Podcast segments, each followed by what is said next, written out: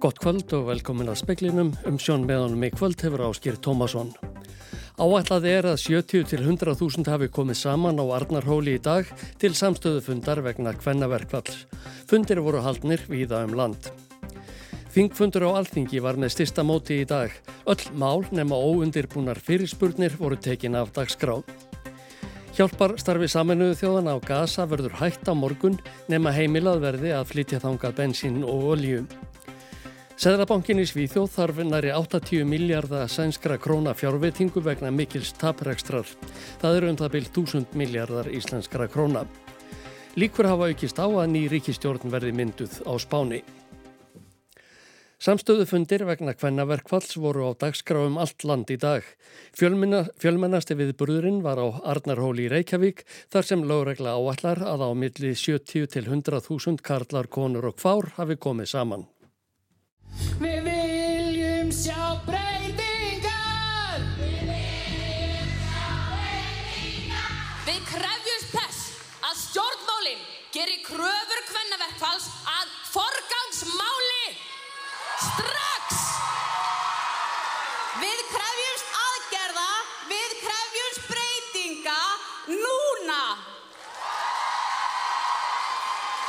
Sögðu Freyja Stengrimsdóttir og Inga Strömland þar sem þær fóru yfir yfirlýsingu fundarins á Arnarhóli. Sigfríður Þorsteinsdóttir, einn þeirra sem tók þátt í frambóði kvennalistans árið 1982, var á meðal þeirra sem sóttu samstöðu fund á Ráðhústorki á Akureyri. Það er sorglegt líka að, að við skulum alla vera hér í dag eftir hvað? Er þetta ekki verið 40 ára eða svo? Það er merkilegt. En það hefur heilmikið áunist en við erum bara ekki komin að alla leið. Ragnar S. Óskarsdóttir var einn þeirra sem dildi reynslu sinni á samstöðufundi á Austurlandi. Að þegar umræðan best að nýja húsnöðinu sem við erum að byggja fyrir fyrirtækið, þá snúa þeir sér að manninu mínum til að spyrjast fyrir hvernig húsið er að verða. Maðurinn minn er ekki að byggja þetta hús, það er ég sem er að því. En það voru ekki allar konur sem höfðu tök á að leggja niður störf í dag. Arna Sif Bjarnadóttir, aðstofar deildarstjóri Grensársdeildar landsbítalans, þar á meðal. Við hérna, vinnum hérna sex á vaktin í dag með full mannaða deild, 23 sjúklingar. Vanlega eru við 8-9 starfsmenn á vaktinni og það er konur sem vildu taka þátt í deginum. Það er fengu frí í dag og ætla að berjast fyrir okkur hinnar sem eru á vaktinni. Þannig að ég er bara áfram konur og við erum ámissandi. Nú verkfall hvenna setti einnig svip á líf Karla í dag og má búast við að Björn Kristjánsson hafi ekki verið eini afinn sem fekk barnabörnin í fangið. Ég er bara ánægð með þetta, skulle vera aldrei upp á þetta bara. bara. Ég hef alltaf gaman að vera með barnabörnin sko. Ég var með að borða, já já, kannski má nammi og ís og svona. Saði Björn Kristjánsson, Andri Irkill Valsson tók saman. Þingfundur á Alþingi var með stittra móti í dag. Ásmundur Fridriksson var að fórseti Alþingis, las tilkynningu í upphaf fundar. Í dag er fjöldu hvenna á Íslandi í verkvalli. Koma sama víða um land til að krefast þess að kynbundnu og kynferðislegu ofbeldi verði útrýmt og að störg hvenna og kvára verði metin að verðleikum. Fínkonur eru þar á meðal og því er mál nr. 2 til 9 tekja dasgrá þessara fundar. Því voru óundirbúnar fyrirspurnir eini dagskrárliðurinn sem komst til framkvæmda í dag. Guðmundur Andri Tórsson, þingmaður samfélkingar, fangaði stemninguna í þingsalnum með þessum orðum. Það er undarlegt að litast um hér á Alþingi í dag og svolítið eins og velkomin í tímavél. Einhver líkar en að árið 1975 eh, sé runnið upp aftur þegar Alþingi, hér háa Alþingi var karlavinnustadur. Því fór það þannig að fimm karlkins þingmenn spurðu þrjá karlkins ráþera út í málefni ráðunetti þeirra og að því lokni, loknu var þingfundi slítið. Nánar er fjallað um hvennaverkfallið síðar í speklinum. Starfsmenn saminuðu þjóðana í Palestínu tilkynntu í dag að þeir erðu að hætta að sinna hjálparstarfi á gasasvæðinu á morgun ef leifi fæst ekki til að flytja þangað eldsneiti. Egipskir bensín og oljubílar hafa beðið dögum saman við Rafa landamærastöðina eftir leifi til að fá að akka inn á svæðið. Ísraelsk stjórnvöld segja að það kom ekki til greina þar sem hætta sé á að hriðuverkamenn Hamas samtakana geri eldsneitið upptækt. Nánar verður fjallaðum ástandið á gasa síðar í speklinum. Volodymyr Selenski í Úkrænu fórseti hétt við í dag að halda áfram hernaðar aðgerðum gegn hernámsliði rússa á Krímskaga. Yfirráð rússa á svæðinu væri tálsín. Úkrænski herin hefur haldið uppi árásum á Krím síðustu mánuði, meðal annars með eldflöga árásum á stöðvar svartahafsflóta rússa og á brúnar sem tengir skagan við meginland Rúslands. Selenski fórseti saði í áarpi til öryggisráðstefnu í Prag í morgun að ekkert lát yrði á árásunum. Rússar innlimu Krímskaga árið 2014 en Selenski sagði að yfiráð rússa á Krím varu tálsín sem var í mólum eftir aðgerðir Úkrænu. Rúsneski flotin geti til dæmis ekki lengur aðtapna sig í vesturluta Svartahafs og sé smátt og smátt að hverfa frá Krím. Það var í sögulegt afregi sjálfu sér. Nú erum fimm mánuðir síðan Úkrænumenn hófu gagnsókn gegn innrásaliði rússa. Framgangur þeirra hefur verið hægur að undan förnu en það rússar búinir að koma sér upp sterkum vörnum á hernumdu svæðunum. Hörð átök geisa þessa daga um bæin Avdívka sem er hernægilega mikilvægur þar sem hann opnar leið inn að borginni Donetsk. Forsætisráð þeirra Úkrænu, Denis Smjál, er í ofinberi heimsokn í Þískaland í dag og vonast til að fá veilirði fyrir 1,4 miljardar fjárstöðningi fyrir komandi vetur. Fjármunir þessir verði að hluta til nýttir í eblingu loftvarnakjærfa til að verjast eldflöga og dróna árásum rúsa. Þorgils Jónsson tók saman. Stjórn Sænska Sæðlabankans tilkynnti í dag að bankin þurfi fjárveitingu upp á nær 80 miljardar sænskra króna, jáverðu um 1000 miljardar íslenskra króna, til að ná þeirri eigin fjárstöðu sem lögum bankan hveða áum. Ástæðurnar eru mikill tap bankans sem ekki að má til vaksta hækkana og mikillar lækkunar á verðbreyfum í egnasafni hans. Sæðlabankin tapaði einmitt um 80 miljardum sænskar króna á liðinu ári og var eiginfjárstaðan 18 miljardar í mínus í áslokk. Tapið og neikvað eiginfjárstaðan skýrast af miklum vaksta hækkunum árið 2022, sagði Sæðlabankastjórun Erik Teidén á fundi með fjarlaga nefnd sænska þingsins, en þær leitu að hans sög til lækkunar á verði skuldabrefa sem Sæðlabankin kefti á árunum 2015 til 2021. TDN sagði að neikvæð eigin fjárstaðan hefði ekki áhrif að getu bankans til að sinna hlutverki sínu og skildum til skemmri tíma litið.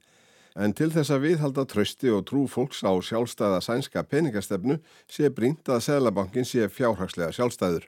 Samkvæmt nýsamþyktum lögum um Sælabankan skal eigið fyrir hans nema 40 miljardum sænskar krónaða lámarki.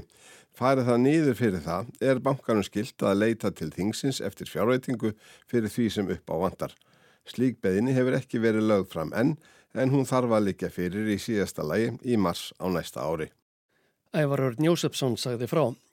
Flokkur Sósialista á Spáni hefur náð samkómalagi við sumar, bandalag 15 flokka á vinstrifæng stjórnmálana um að mynda stjórn. Það þykir auka möguleika Petro Sánchez forsættis ráð þeirra á að verða við stjórnmölin eitt kjörtímabili viðbót. Hann þarf þó að tryggja sér stuðning nokkura smá flokka í viðbót til að tryggja sér meiri hluta á þingi. Líklegast þykir að þeir reynd verði að ná samkómulagi við tvo flokka aðskilnaðar sinna í Katalóníu. Það er Jóðæks Katt saman fyrir Katalóníu og vinstri líðveldisflokk Katalóníu ERC. Hægri menn í líðflokknum fengu flest atkvæði þingkostningunum á Spáni í júli. Alberto Núñez Fejo, leðtói þeirra, fekk þar á leiðandi umboð til stjórnarmyndunar en skilaði því í síðasta mánuði þegar hann um mistóst að fá aðra flokka á hægri vagnum til samstarfs. Sósialistar fengu næst flest atkvæði í kostningunum og því var Petro Sánchez falið að reyna að ná saman starf hafveri stjórn. Sósialistar hafa verið við stjórn á Spáni frá árinu 2018.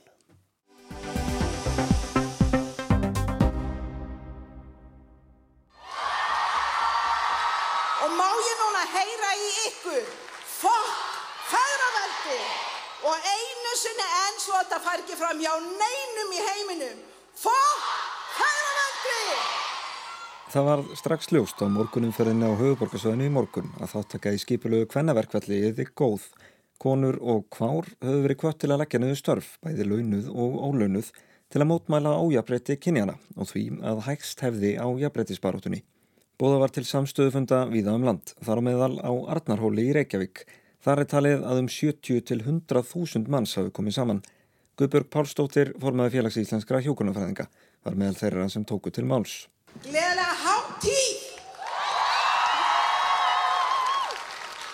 Kæru konur og kvár, það hefur verið magnað að finna kraftin um landið allt í aðdraðata dagsins í dag og enn ótrúlegra að fá að standa hérna með ykkur og finna þennan stuðning. Við þorum, við viljum og við getum. Við erum hér til að krefjast aðgerða. Aðgerða sem að binda enda á hefði kynbunda minnsrétti sem byrtist með okkur í mismunandi hætti á hverjum einasta degi. Við, konur og kvár, búum við meiri mótvind en karlar og það er staðreind. Að minnstakosti 40% hvenna verður fyrir kynbundnu og kynferðslegu ofbeldi í þessari svoköllu jafnréttisparadís sem Ísland á að vera.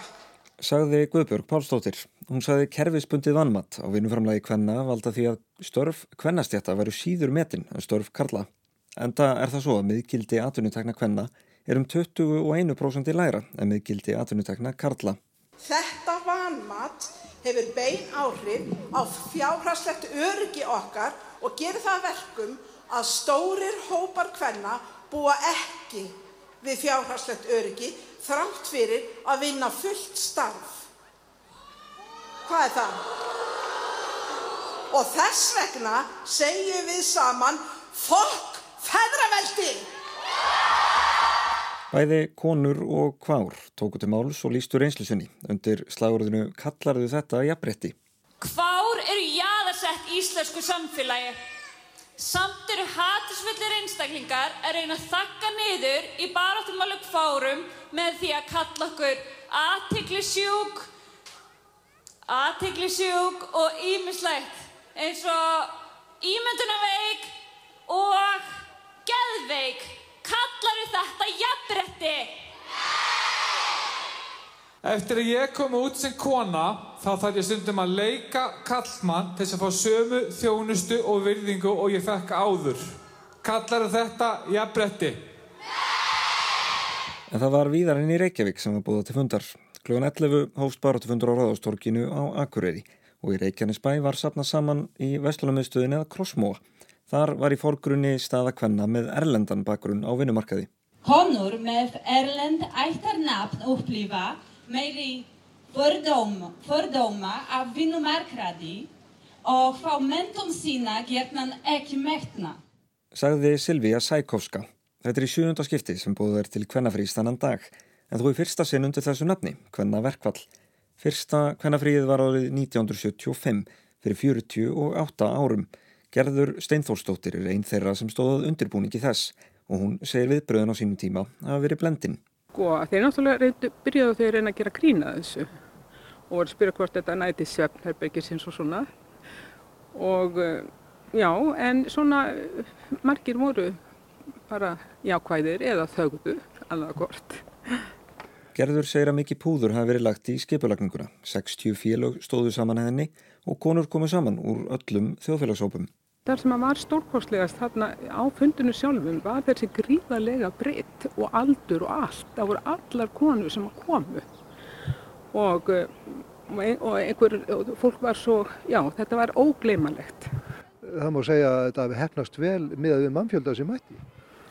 Sko það var sagt að þetta væri fjölmennasti fundur sem hefði verið haldinn á torkinu. Þetta var gerður Steinþórsdóttir, Alexander Kristjánsson tók saman.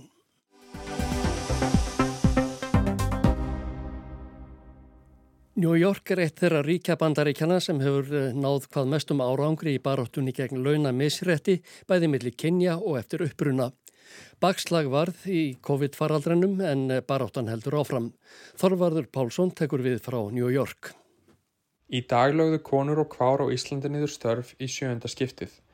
Þrátt fyrir að mikill árangur hafi náðst í baráttunum fyrir jafnrétti er launa misrætti þar enn til staðar. Hér í New York er sömulegis enn mikið verk fyrir höndum. En það er engu að síður eitt þeirra ríkja bandaríkjana sem eru komin hvað lengst á leið í þessum málum. Alríkislögum jöfn laun til handa konum og körlum tóku gildi í bandaríkjunum árið 1963. Lög New York ríkis gegn launamisrætti taka til fleiri þátt en alríkislögin og banna mismunum á grundvelli uppruna, þjóðarnis, trúabræða, aldurs, kinnheiðar og kinnvitundar. The fight for pay equity continues. It is a fight we can win. When the girls of today become the women of tomorrow, let's make sure that the world of work is a level playing field. Til að tryggja að stúlkur í dag fái sangjart laun er þar koma á vinnumarkaðin heldur bara þann áfram og við getum unnið sigur, segir í minnskeiði frá York ríki. Vegur kvenna í stjórnmálum bæði ríkis og borgar hefur aukist jæmt og þétt og er meirinn helmingur borgarfulltrúa í York konur en engin kona hefur hins vegar gengt ennbætti borgarstjóra. Núverandi ríkistjóri í York, Katie Hochul, er fyrsta konan til að gegna því ennbætti. Hún var áður vararíkistjóri en tók við fyrir tveimur árum þegar Andrew Cuomo sæði af sér vegna ásakana um kynferðslega áreitni.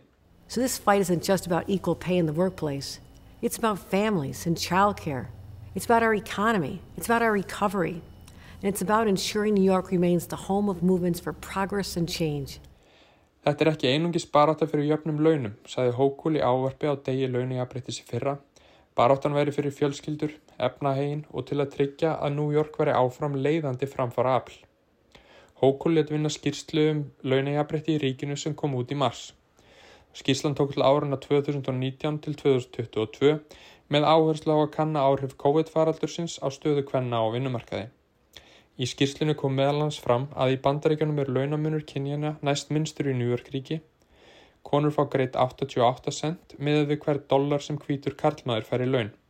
Á landsvísu fá konur greitt 81 cent en 68 cent í Wyoming þar sem mestu munar á launum kvenna og hvítra karlmana. Það er þó ekki einungis kynbundi launamissrætti. Það er einni eftir uppruna. Í Nújörgríki fá svartar konur og konur af afriskum uppruna einungis greitt 68 cent fyrir hver dollar sem hvítir karlmenn fá. Konur af rómunskum uppruna enn minna 63 cent fyrir hver dollar sem þeir fá. Í COVID var skólum og leikskólum lokað í New York. Þá neytust margar konur til að hætta að vinna til að sjá um börnin, afleðing misskiptingar og heimilsverkum uppeldi. Atvinnu þáttaka hvenna var af þessum sögum minni árið 2021 en 19. Að fara að vinnumarkaði, jafnvel til skamstíma, dregur úr tekjum til lengri tíma. Lögtóku gildi í Nújörgríki fyrir skömmu sem vonast er til að komað gagni í baráttunni fyrir sömu launum fyrir sömu vinnu ári eftir að sambarlega lögjöf tók gildi í Nújörgborg. Nú þurfa allir atvinnureikundur sem auglisa störfi í ríkinu að gefa upp launabill fyrir starfið. Það sem meira er, launabilið þarf líka að gefa upp í auglýsingum fyrir störf þar sem yfirmaðurinn eða vinnustæðurinn sem unnið er fyrir er staðsettur í New York ríki. Á vefsíðunni Indeed, sem er svo vinsalast í bandaríkjunum fyrir starfsauðlýsingar, kemur launabilið nú fram í um helmingi auðlýsinga. Sjö önnu ríki hafa sett sambarlega lög. En hvað gerist þegar fyrirtæki eru sökuð um launamissriði? Tökum nýlegt dæmi frá New York borg. Í síðustu viku fjells Livjaframleðandin Pfizer og sáttagreislu til hvenna sem unnu í höfustöðum fyrirtækisins hér í borg. Ráðuniti vinnumarkasmála komst að þeirri niðurstöðu að Pfizer hefði mismunnað 86 konum á tveggja ára tímabli árin 2015-16 með því að greiða þeim læri laun en körlum fyrir sambarleg störf. Pfizer hafnaði þessum ásökunum og saði fyrirtæki launamunin smávægilegan byggðan á viðeigandi viðskiptaforsendum.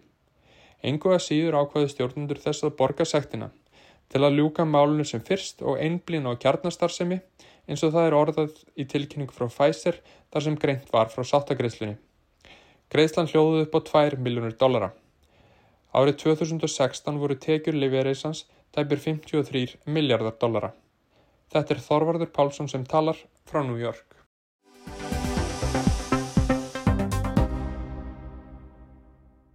Sérfræðingar sem fylgjast með stríði Ísraelsmanna og Hamas hriðuverka samtakana fyrir botni miðjararhafs eru flestir hverjir sammálu um að engin leð sé að spá fyrir um hversu lengi það er eftir að standa. Benjamin Netanyahu, fórsetis ráþæra Ísraels, tók undir það þegar hann tók á móti Emmanuel Macron, fórseta Fraklands í Jérúsalem í dag. We will do every effort to fight this war as speedily and as, uh, uh, as rapidly as we can, but it could be a long war. Við gerum allt sem í okkar valdi stendur til að ljúka baráttunni eins hratt og hægt er en þetta getur orðið langt stríð, saði Netanyahu. Hann ítrekkaði að Ísraelski herrin legði ofur kappa á að afmá Hamas samtökin á Gaza og leita allra leiða til að frelsa yfir 200 gísla sem hriðiverkamennirnir tóku í árásinni á Ísrael 7. oktober. Nokkrum gíslum var sleftur haldi í gær fyrir tilstilli samningamanna frá Katar og Egiptalandi. Þeirra á meðal voru tvær ísraelskar konur, Nurit Kóper, 79 ára og Jókevet Lifsits, 85 ára. Hún greindi frá lífsreynslunni á fundi með frettamönnum í Tel Aviv í morgun.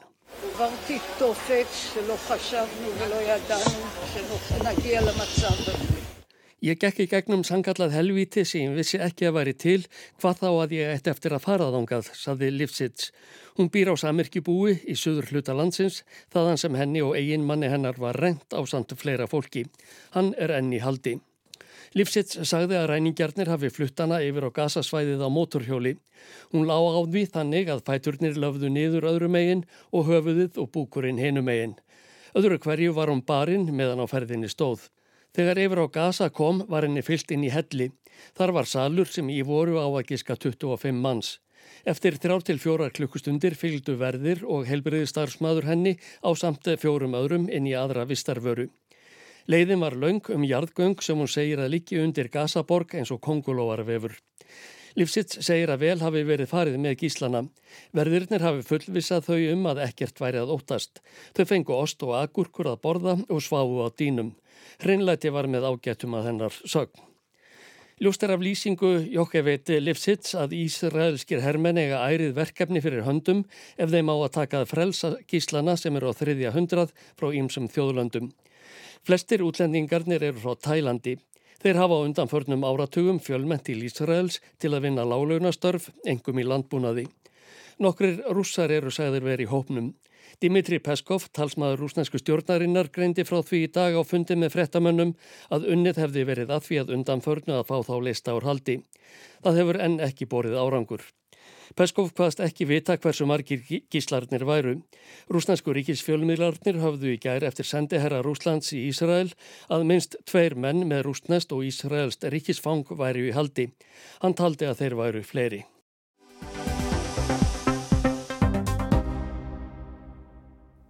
Samstarf Íslands við Evrópusambandið um rannsóknir, nýsköpun, menta og menningarstarf hefur um árabil skílað meira hingað en sem nefnur framlægi íslenskra stjórnvalda, segir Ágúst Hjörtur Ingþórsson, forstöðum að Rannís sem heldur utanum Evrópusamstarfið hjá stopnuninni.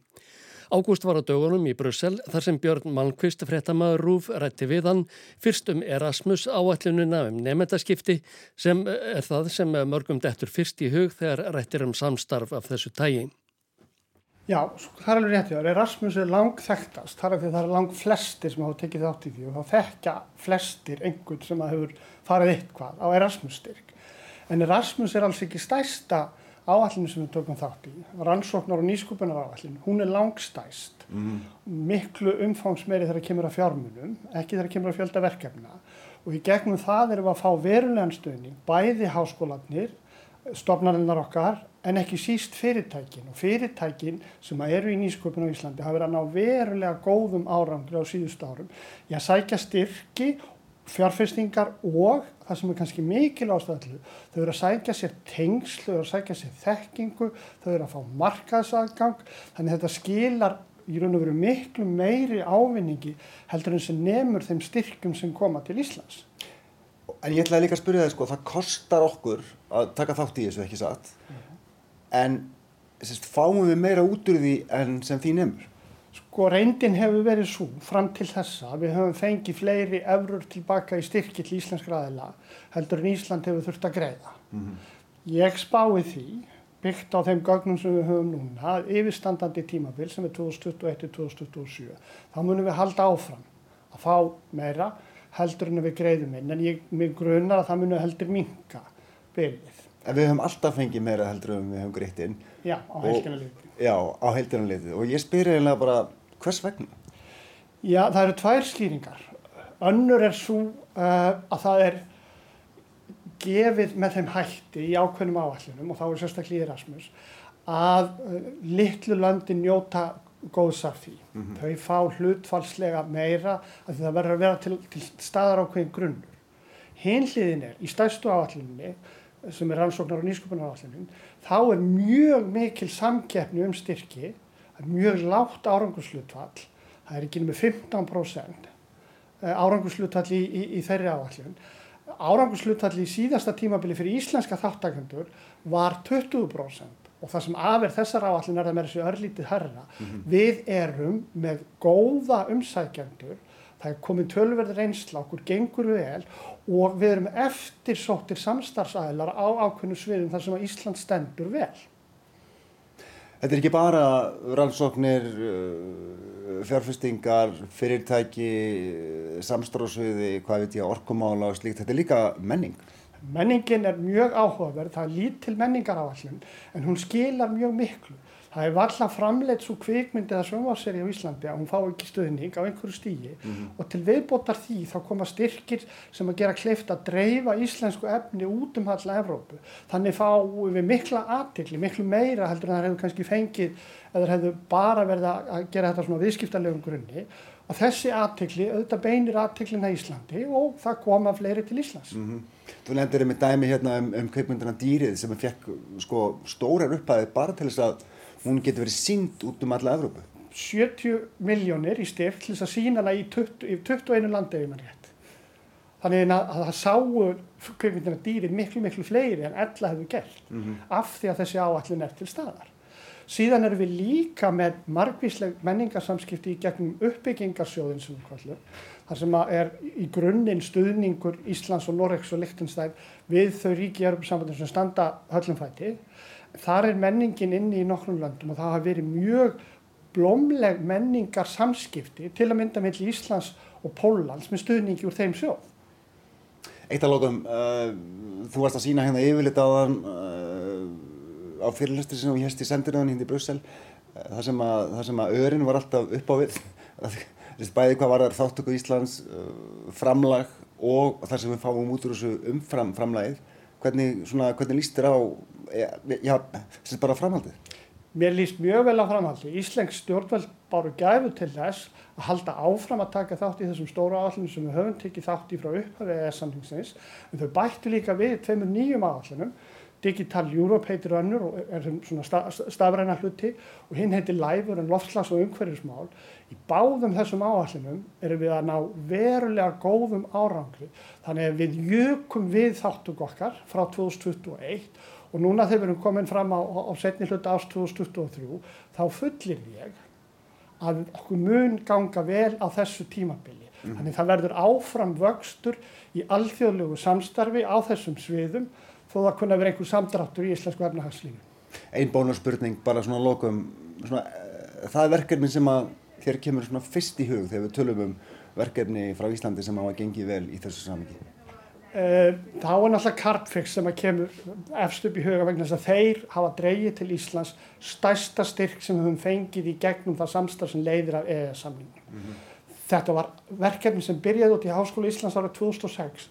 Það tók 12 ár að þróa það það vel, að sanna konsepti það vel að þeir voru færir um að fá stóran Evrópustyrk en þegar þessi stóri Evrópustyrku kom 2018 þá byrjaði boltinn að rúla og við fyrra fenguði langstæsta styrk sem að nokkurt íslenskt fyrirtæki hefur fengið 16 miljardar í fjárfestingu uh, fjárfestingaverkefni í Strömsvík. Þetta sagði Ágúst Hjörtur Ingþórsson fórstöðum að rannís í samtali við Björn Malmqvist. Og þá er það veðurhorfur næsta sólaring. Hæg breytileg átt, bjart með köplum og yfirleitt þurft. Hitti verður 1-7 stig. Bætir í vind við söðurströndina í kvöld og þeknar upp en dáli til regning sunnan og vestanlands í nótt og í fyrramálið. Östlæg átt 5-13 á morgun en hægar í austanlands. Skíðað með köplum og sömstaðar dáli til væta en þurft og viða bjart veður á Norðurlandi. Hlínar heldur. Fleira er ekki í speklinum í kvöld, tæknimaður var Mark Eldred. Frettir veða næst sagðar í sjónvarpi og á rás 2 klukkan 7, útvarps frettir klukkan 10 og frettir eru uppfærðar á vefnum allan sólarhingin. Verðið sæl.